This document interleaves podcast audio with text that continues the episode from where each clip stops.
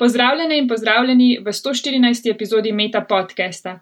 Z mano danes je Nace Mikuš, ki svoj doktorat opravlja na Univerzi na Dunaju na Fakulteti za psihologijo in sicer v okviru raziskovalne skupine za neuropsihofarmakologijo in biopsihologijo. Živijo, Nace. Živijo, Zarja, hvala za povabilo. Prvo vprašanje bo kar podobno kot ponavadi pri meni. Lahko mogoče na kratko poveš, kaj raziskuješ, s čim se ukvarjaš? Ja, jaz delam eh, doktorat, ki se pravi, sem upisan na doktorat na psihologiji, hkrati sem pa zaposlen na, na inštitutu za psihologijo kot del nekega projekta, eh, ki ga v bistvu financira mesto Dunaj. Spravi, par, par, ko sem začel z doktoratom, je, oziroma dve leti predtem sem začel.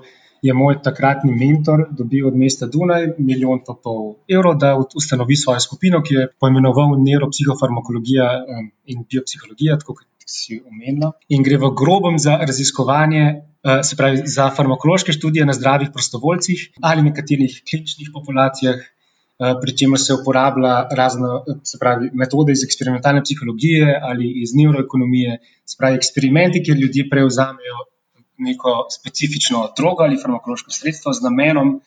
Da se ugotovi neke osnovne lastnosti nekaterih sistemov v možganjih, ali hormonskih, ali eh, neurotransmiterskih, in tako naprej. Zdaj si omenil, si se predvsem osredotočil na neuroznanstven del, jaz pa, ja. ker te poznam že odprej, vem, da si sicer po pr prvotni izobrazbi matematik. Kako si potem v bistvu te ta pot vodila v neuroznanost?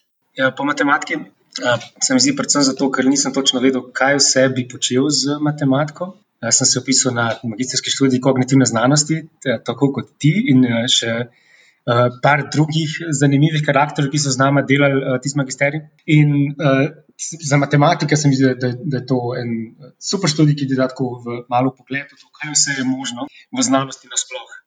Ne, da tega na matematiki nismo dobili, ampak se mi zdi, da je bilo nekakšna kultura, nas, ki smo bili bolj tako teoretični matematiki, je bila ta, da smo bili ponosni na to, da, da, da študiramo nekaj, kar kjer je dovolj samo svinčnik in papir, in ne rabiš niti računalnika, veš samo razmišljaš in ne postaviš nek teorem in ga dokažeš samo z neko argumentacijo. Z, tako da tudi, ko smo imeli razno razne predmete, se jaz nisem preveč obadal s tem, s fiziko ali z ekonomijo.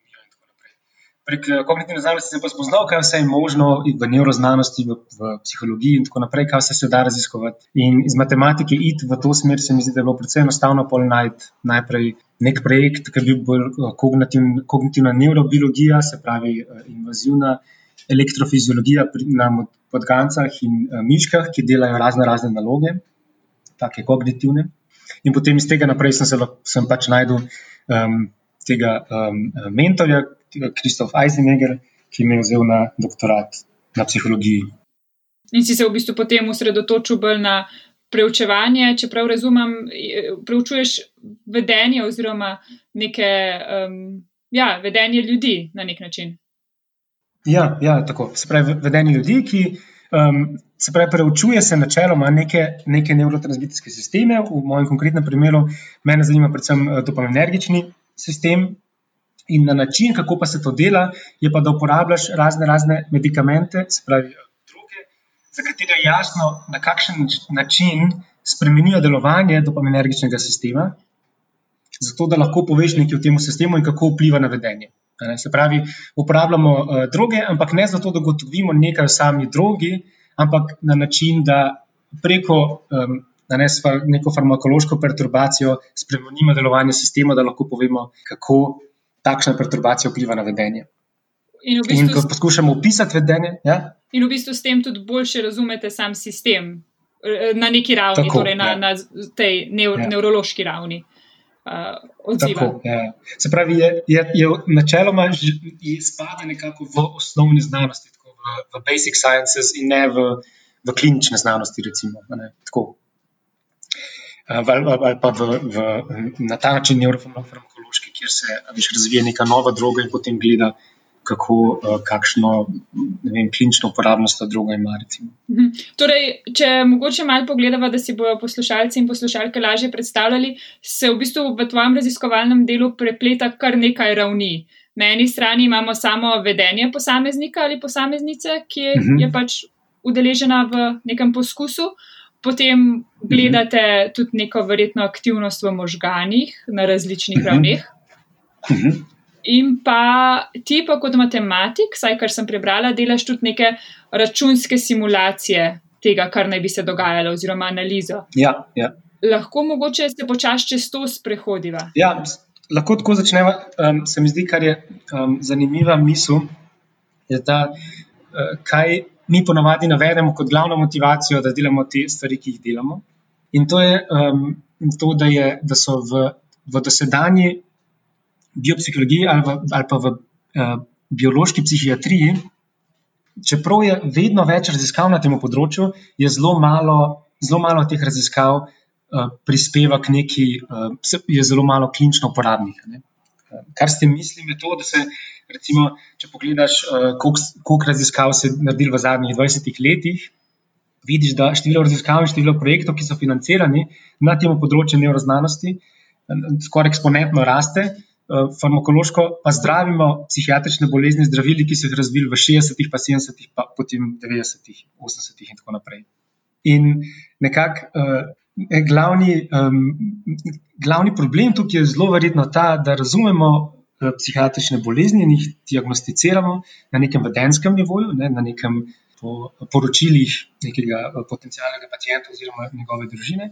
Zdravimo jih pa na nekih uh, na, na ravni receptorjev, se pravi, ponavadi se da recimo um, za zdravljenje razno raznih psihotičnih motenj, se da neko sredstvo, ki blokira neke, neko specifično družino dopaminergičnih receptorjev. In zdaj, eh, kar obljublja to področje, kjer sem jaz, ki se mu nekako v, v grobem lahko reče uh, computational psychiatry, računska psihiatrija ali nekaj takega, um, obljublja, da, ali pa recimo uh, reče, da kar manjka vmes, je nek dober matematičen recimo, model tega, kaj se zgodi, kako prideš iz receptorskega nivoja do vedenskega nivoja. Mm -hmm. Um, in zato, kar mi delamo, je, da naredimo, uh, delamo takšne vedenske eksperimente, kjer se da neko dinamično početje nekega človeka opisati z matematičnim modelom, in potem probamo gledati, kako se različni neurotransmiterski sistemi, ali celo mogoče, če hkrati snemamo možgane z, z magnetno resonanco, katere možganske strukture um, spremenijo glede na neko farmakološko sredstvo. Ne? Se pravi, Eh, imamo nek receptorski nivo, nek matematični model, potem nek, nek nivo tega, kje v možganjih se to dogaja, in potem se zgodi vedenje, ki ga preko neke, nekega zelo specifičnega psihološkega eksperimenta lahko opazujemo. Torej, če, če bom pravilno povzela, drugače me kar popravi, prosim. Um, na nek način bi mogoče nekdo pričakoval, da najprej izvedeš nek eksperiment, kjer sprožiš neko vedenje in potem analiziraš in gledaš, kaj se je dogajalo. Vi pa stopite še en korak prej, s tem, da v bistvu ko zasnujete eksperiment, že predvidevate, kako bi ga lahko opisali z računskim modelom.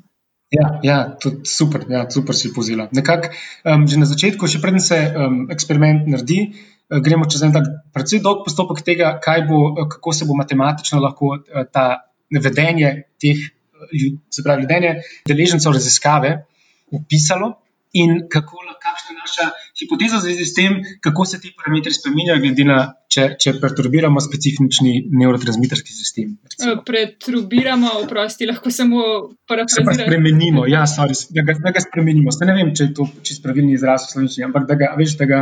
Da sprem, um, spremenjaš parametre v bistvu, recimo. Mislim, ja, recimo, da blokiramo neke zelo specifične dopaminergične ali pa dopaminske receptorje ali da povečamo uh, tonično raven serotonina ali eh, takšne stvari. Dopaminski, dopaminergični sistem je sicer v možganjih udeležen, kdaj omenil si neke psih, psihotične uh, bolezni oziroma ja. psihoze. Lahko malo, sam čist na kratko, če lahko pojasniš, zakaj gre. Ja, no, se, to je, ne? kdaj, kdaj um, se ga. Kaj vemo o, o tem sistemu in na podlagi katerih raziskav to vemo? Se mi zdi, da je ravno v tem, recimo, nek, nek tak, ravno v tem je težava. Recimo, vemo, da če damo eh, ljudem, ki imajo psihotične motnje, neko zdravilo, ki blokira te D2 dopamin, dopaminske ali dopaminergične receptorje, vemo, da to nekaterim pomaga pri tem. Zato sklepamo, da imajo ti ljudje preveč aktivnosti na teh receptorjih. Um, in to gre v to smer, ne obratno. Ni zato, ker vemo, da imajo ljudje preveč D2 aktivnosti, ne spravi, da imajo preaktivne dopaminergične receptorje, zato damo mi nek um, ne D2 bloker, ampak obratno, po naključju smo ga dali enkrat in se je ugotovilo, da pomaga, in zato ga zdaj predpisujemo. Okay? Uh -huh. Se pravi, tako, če gremo še na neko bolj bazično vprašanje, ne, tako, kakšna je vloga sploh kjerkoli teh sistemov, kako, kako se sploh to raziskuje, na kakšen način ne poveš, če je to res. Ne, ali, ali pa poveš, probiš ugotoviti, ali igra dopolnilni sistem kakšno vlogo pri spominu, ali igra pri učenju kakšno vlogo, ali igra pri uh, in tako naprej. In se pravi, da rabiš, na, najprej rabiš nek eksperiment, pravi, nek psihološki eksperiment, eksperiment, ki testira, kako dobri so ljudje v delovnem spominu. In potem rabiš nek, neko sredstvo, ki recimo eh, blokira zelo specifične receptorje dopaminergične, zato da lahko poveš, da ko ljudje, recimo, ko jim blokiramo ta pa ta, to pa to družino receptorjev, so ljudje boljši ali slabši v neki nalogi. Ne? Mhm. Zdaj, mi gremo pa še en korak naprej, pa rečemo, ok, um, dajmo si pogledati ne samo tako, da primerjaš dve skupini, ampak recimo vzamemo neki, nek dinamičen eksperiment. Ne, se pravi, da ljudje, mm, recimo, da, da želimo gledati neke, neke, neke više uh, kognitivne funkcije, kot je um, učenje v nekomu drugemu, recimo, um, kako, kako se učiš o tem, ali je nekomu človeku vredno zaupati ali ne, ali pa kako, kako se odločaš, ali boš uh, reskiral ali ne boš reskiral, in tako naprej. Imáš pa dve možnosti. Ena je, da vprašaš ljudi, kaj se jim zdi, se pravi, kakšen človek si, in potem probiš zmeriti um, njihovo nekakšno, veš, osnovno eh, sliko, recimo, koliko imajo um, razno raznih uh, receptorjev, recimo v možganjih, z raznimi napolinvazivnimi metodami, kot je recimo. Ko se jim reče po slovensko, pozitronsko emisijsko topografijo, ja. spet imaging. Ja. Um, drug način je pa ta, kar delamo mi, in to je, da, da jim um, da narediš nek eksperiment, ki jih dejansko prisili v laboratoriju, da začnejo nekomu zaupati ali ne. In potem daš ne, tako, na nek način uh, ne, randomized control trial, da daš polovici ljudem en placebo, polovici ljudem pa recimo neko farmakološko sredstvo, ki jim blokira ali ne, nek določen tip receptorjev. Um, ali recimo spodbudi neko um, aktivnost dopaminergičnega sistema, ali tako naprej. To so To so ponovadi medikamenti, ki so že dobro poznani, ne, recimo so antipsihotiki ali pa so amfetamini, ki se jih uporablja pri, pri uh, hiperaktivnosti. In na ta način gledamo, kaj se pri zdravih prostovoljcih dogaja, ko takšno drogo vzamejo, kako se njihovo vedenje spremeni. In, ja, in se mi zdi, kar je meni tukaj zanimivo, je to, da nekako, veš, ko pri ljudi pripelješ v laboratorij, kako jih spraviti do tega, da doživijo dejansko neko čustvo. Spravi, ne, da jih samo vprašaš po tem, v smislu, ne, ali zaupate človeku hitro ali počasi, ampak da dejansko jih spraviš v situacijo, kjer so prisiljeni nekemu človeku zaupati ali ne. In to deluje zato, um, oziroma na, te eksperimente, ki jih delamo, deluje zato, ker imajo ljudje v osnovi radi, recimo, denar. Ne, so, obstajajo neke nagrade, ali primarne ali sekundarne, ki, ko, ko ljudem daš tako nagrado, se dobro počutijo. Mm. In zato lahko uporabiš razne, razne metode iz neuroekonomije, zdaj se pravi, veš, take stvari, kot, ki sta jih delala, um, um, ali pa ki sta jih mogoče naredila bolj popularne, Kaniman in Tverski. In, in potem od, od tam naprej se pravi, da ljudje, veš, ljudje morajo razne, razne naloge reševati, zato da zaslužijo čim več denarja. Ali morajo, recimo, dobijo nekaj denarja, pa jim rečejo no, zdaj lahko damo vam 10 evrov in zdaj lahko teh 10 evrov delite z enim od soodeležencev raziskave na tak način, kot hočete. Veš, da se meri nekako nekak prosocialnost nekega človeka. In, in kar lahko pol še narediš, je, recimo, da, da, se, um, da se ljudje učijo od drug od drugem, se pravi, da narediš neko tako interaktivno nalogo, kjer ljudje drug drugemu podajo denar, tako ni tak, tak prisoner's dilemma igra, veš, jaz dam tebi denar, če, če mi ti vrneš denar, bo pa več zaslužila, če ti obdržiš, boš veš, me izdal in tako naprej. Ja. In se na ta način lahko učiš o neki zelo specifični lastnosti druge osebe, kot je recimo, kako, kako je vredna zaupanja.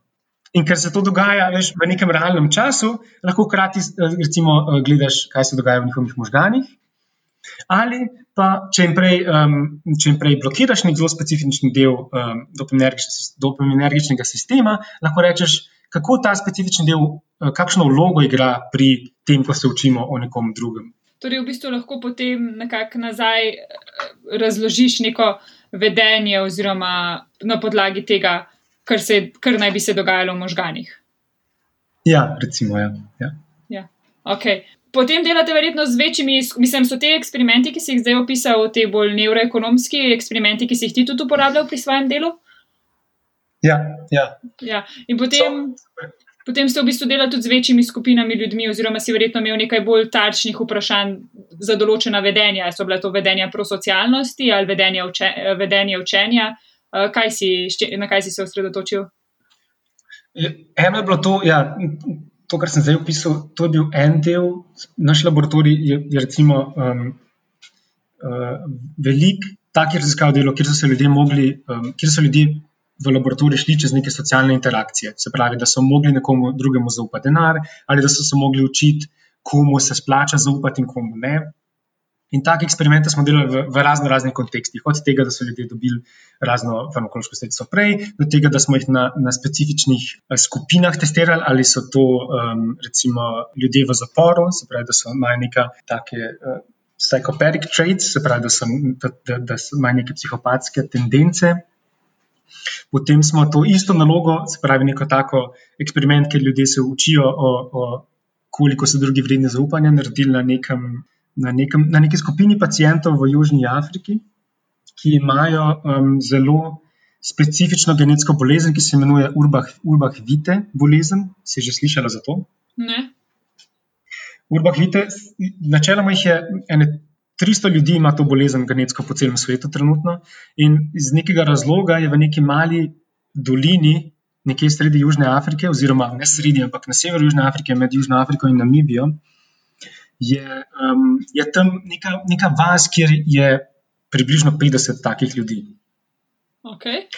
Um, in zato, ker je ta vas ločena od ostalih vasi, se je ohranila v tisti vasi nekako. Ne? Ja, razumem. In, in um, kaj, kaj, kaj pa so znaki te specifične?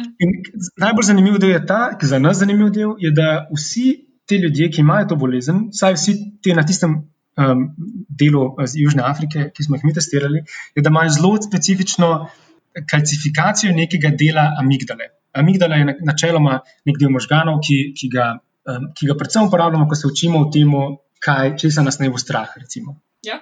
In ti ljudje imajo, imajo en del te amigdale um, neuporaben, spravi, je popolnoma nekako okamenel. Recimo. In starejši kot so, večja je načeloma eh, poškodba, sprejema malo raste, ampak vsi imajo okvarjeno samo to bazolateralno amigdalo. In zdaj, s tem, ko recimo, jih primerjaš, njihovo vedenje primerjaš z vedenjem ostalih ljudi v tej isti vasi, ki ti bolezni nimajo, lahko recimo ugotoviš, eh, kakšno vlogo pa igra ta bazolateralni del amigdale pri tem, ko se uh, ljudje učijo o tem, komu zaupati in komu ne. In kaj ste ugotovili? Da se iz nekega razloga, kar ni še čisto jasno, kako, ampak da imajo ti ljudje se lahko učijo, če jim daš normalno nalogo, kjer se morajo učiti, kateri simbol jim prinese več denarja, in to gre čist ok, se pravi, se znajo naučiti. Pri tem, ko se morajo poučiti o tem, katero od njihovih soigralcev je bolj vreden zaupanja, pa imajo težave. Okay, zdaj smo veliko govorili o nekih vedenskih uh, lastnostih oziroma pojavih in psihologiji. Kako pa ti kot matematik potem sklepam, da delaš z večjo ekipo raziskovalcev in raziskovalk? Ja, ja. ja, in kako pa ti potem kot matematik so, spadaš v to ekipo? No, načeloma um, je, je so psihologi, no, matematika, kar uporablja matematika, je statistika več. So toliko statistike, kot jaz znam, se moji uh, kolegi psihologi so se tudi čez svojih, svoje leta doktoratov in raziskovanja naučili. Tako da to ni na ta način ne izstopam. Mogoče le potem, da me to malo bolj zanima kot ostale. Um, drugače pa se ta um, uporabna matematika, ki smo mi na faksu delali skoraj nič, sem se mogel več ali manj naučiti z nekim, seveda, naskokom ali kako se reče, z neko prednostjo tega, da me to že od nekdaj zanimalo, da mi je, se mi zdi matematika zelo zanimiva reč.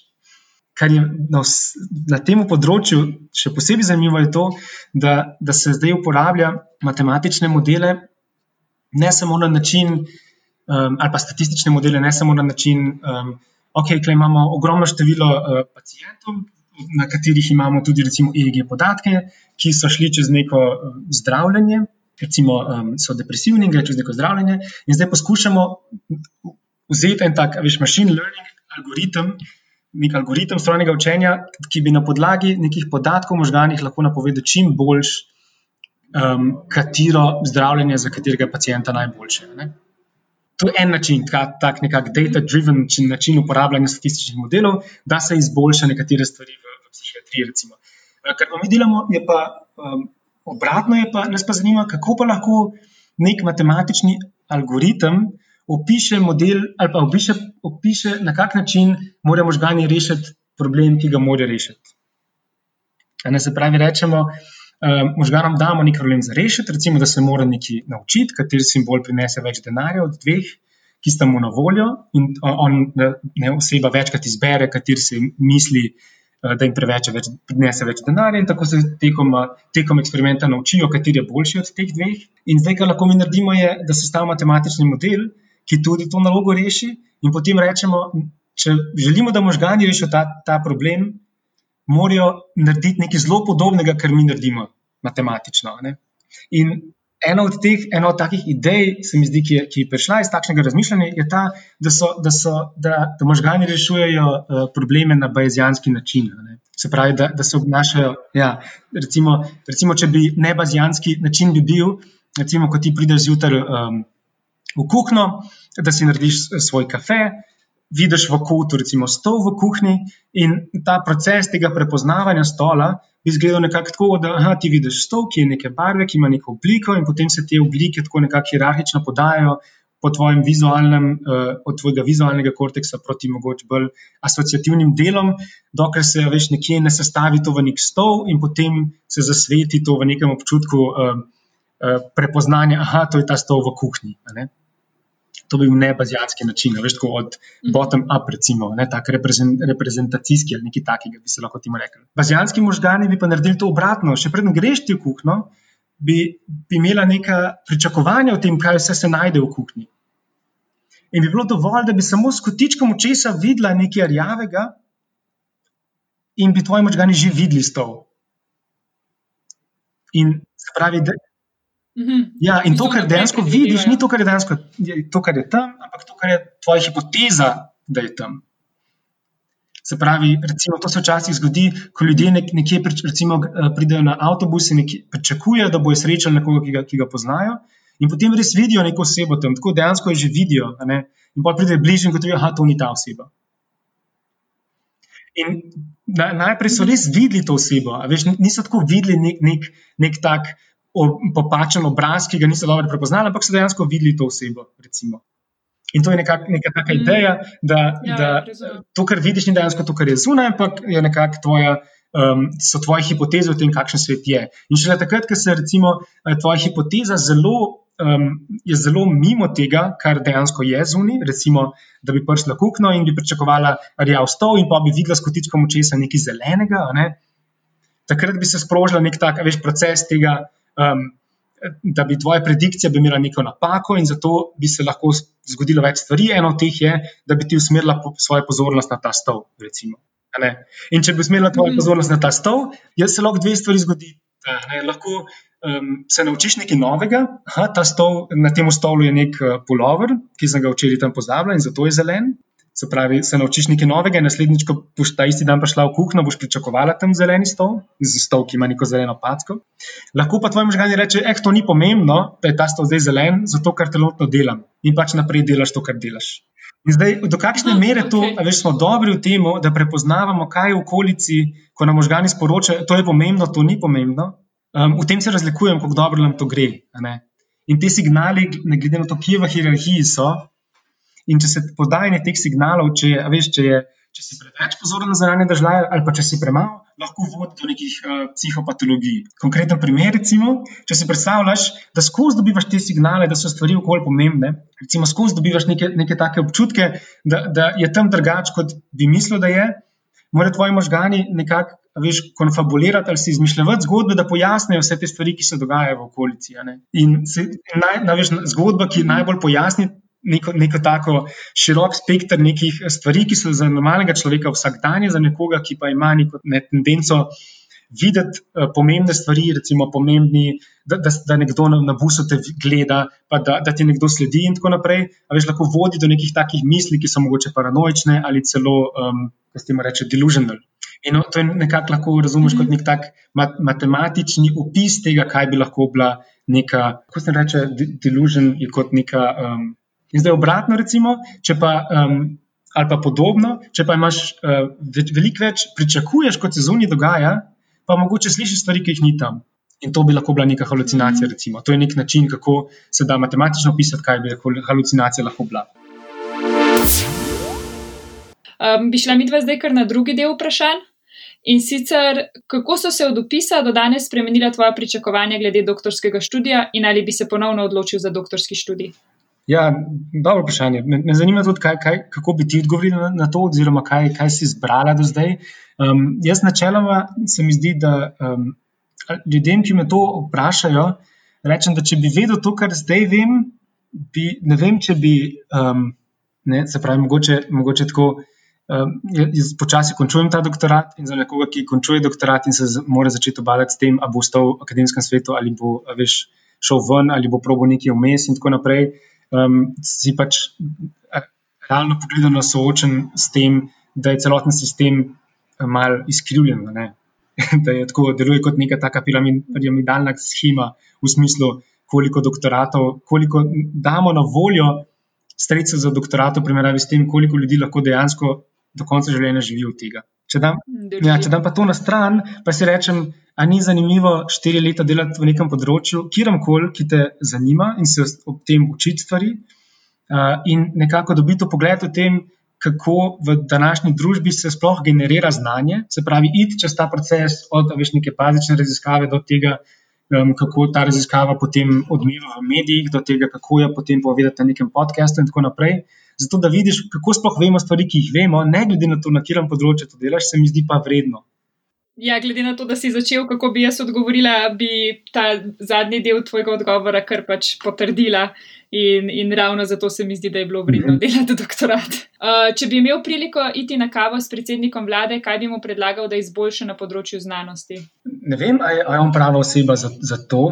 Ne, ne, sem, uh, ne vem, če je trenutni predsednik vlade prava oseba za to, ampak ne vem, če um, bi bilo se boljše pogovoriti z nekom malo, malo niže, nekje, ki, ki ima večjo besedo pri tem, uh, ali pa lahko bolj izrazi svoje mnenje. Predvsem pa bi šel z veseljem uh, s trenutnim predsednikom vlade na, na kavo, ker, ker res ne razumem trenutno, kaj se dogaja v Sloveniji. In um, se mi zdi, da doskrat v mojem krogu ljudi um, imamo tako zelo, zelo črno črno-bel ali pa zelo negativen pogled na, na, na vlado, in se mi zdi, da, da bi z veseljem bolj razumel njihov svet, zato da bi lažje, nekako se bolj zdravo odzival na njega. Ne? ne samo tako. Z, ne vem, res imam tako zadnje čase, še posebej, ko berem novice Slovenije, tako res močen občutek tega, da, da, da ne razumem, da se ne znam predstavljati njihovega zornega kota in kako bi se oni opisali sami sebe, ali bi zase rekli, da so dobri ljudje,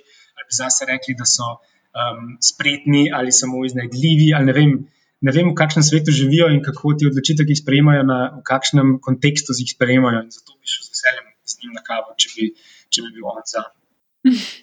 Okay. Um, kaj boš počel čez pet let, in kje se vidiš čez 40 let? Čez pet let upam, da bom tako nekako. Um, Želel bi to, kar počnem zdaj, se mi zdi, da je najbolj verjetno, da, da nadaljujem v prihodnosti, če najdem neko tako zelo konkretno in, in konkreten način, kako se da to uporabiti, ne samo v znanosti, ampak tudi izven nje. Tako da upam, da čez pet let bom že tam, ko mi je to nekako uspelo in bom lahko, veš, imel uh, možnost delati na projektih, ki ne bojo samo neki dvoletni postoki, ampak morda tudi malo več od tega. Čez 40 let pa pa glede na to, kako se vse hitro spremenja, upam, da bom v neki večino časa preživel v neki hiški, nekje na Istri, ob morju ali kaj takega. Fino. Uh, bi drugim doktorskim študentom in študentkam predlagal kakšno tehniko za upravljanje s časom ali pa morda računalniški program, ki ti olajša delo in ti prihrani čas? čas? Ja, jaz sem začel dve leti nazaj uporabljati Workflow, kar je zelo simpel um, seznam, uh, program za pisanje seznamov. Um, ker je v bistvu samo to-do list. Workflow. Workflow, ja. Ampak zato, ker je tako simpel in tako preprost, mislim, da se narediti isto stvar tudi v Trello ali v, na GitHubu. Ampak ta workflow je samo dobesedno seznam, ki ima podsezname in čisto nič drugega. Da lahko bi tudi v Wordu resnici sam to naredil. In tam si napišem vse, kar imam za vsak projekt za narediti. In mi nekako pomaga si strukturirati um, stvari, ki jih imam za narediti, in jih pospravljati, in, in za nazaj videti, če se nisem naredil, in tako naprej. Ok, zadnje vprašanje. Priporočilo za knjigo, igro, film, spletno, spletno stran ali podcast? Uh, podcast, definitivno tale 80,000 hours, ga poznaš? Ne. Um, 80,000 hours je, je uh, podcast, kjer, kjer spravi, kako je že njihov, um, njihov na začetku reče nekaj takega. It, it's a podcast about the world's most pressing problems and how you can use your career to solve them. In ideja je v tem, da je 80 tisoč ur načeloma boš delal v svoji karieri, karieri in oni ti pomagajo k temu, da razmišljajo o tem, kako jih lahko najbolj izkoristiš. Um, in to delajo tako, da organizirajo podcaste, imajo razne razne sezname služb, uh, ki imajo velik impact. Um, so del uh, neke um, uh, skupnosti, ki se imenuje Effective Altruism, kjer, je, kjer ni ideja samo, to, da, samo um, o tem, da recimo, daruješ nekam denar, ampak da daruješ smiselno, ali ne samo denar, ampak tudi svoj čas in svoj, to, kar bi se rad naučil. Recimo, če bi če je res tvoja največja želja pomagati čim več ljudem, mogoče ni najboljša stvar, da postaneš zdravnik, ampak je mogoče zelo dobra stvar, da postaneš data scientist in greš delati nekam v nek, veš, uh, health uh, inštitut ali kaj takega. Ne? Ali pa mogoče postaneš znanstvenik ali pa mogoče ne vem, takšne stvari. Tako da to definitivno priporočam. Cool. Še kakšno drugo priporočilo? Uh, mogoče je podcast 202. Sploh eh, nam, ko nismo v Sloveniji, se mi, mi je sploh všeč poslušati podcaste oziroma kratke intervjuje v slovenskem jeziku. Super. Fino. Ok, hvala, Nace. Ja, hvala tebi, Zarja. Poslušali ste Meta podcast, v katerem se pogovarjamo z mladimi znanstveniki in znanstvenicami z različnih področji znanosti. Podcast domuje na spletišču metinalista.si, kjer najdete tudi druge zanimive znanstvene vsebine. Naše delo lahko podprete z donacijo Metini listi, pohvale, pripombe in predloge lahko posredujete po e-mailu znanostafna.metinalista.si. Dobrodošli so tudi komentarji na Facebook profilu Metine liste in na Twitterju Afna Metina lista, kjer uporabite hashtag MetaPodcast. Se slišimo čez 14 dni.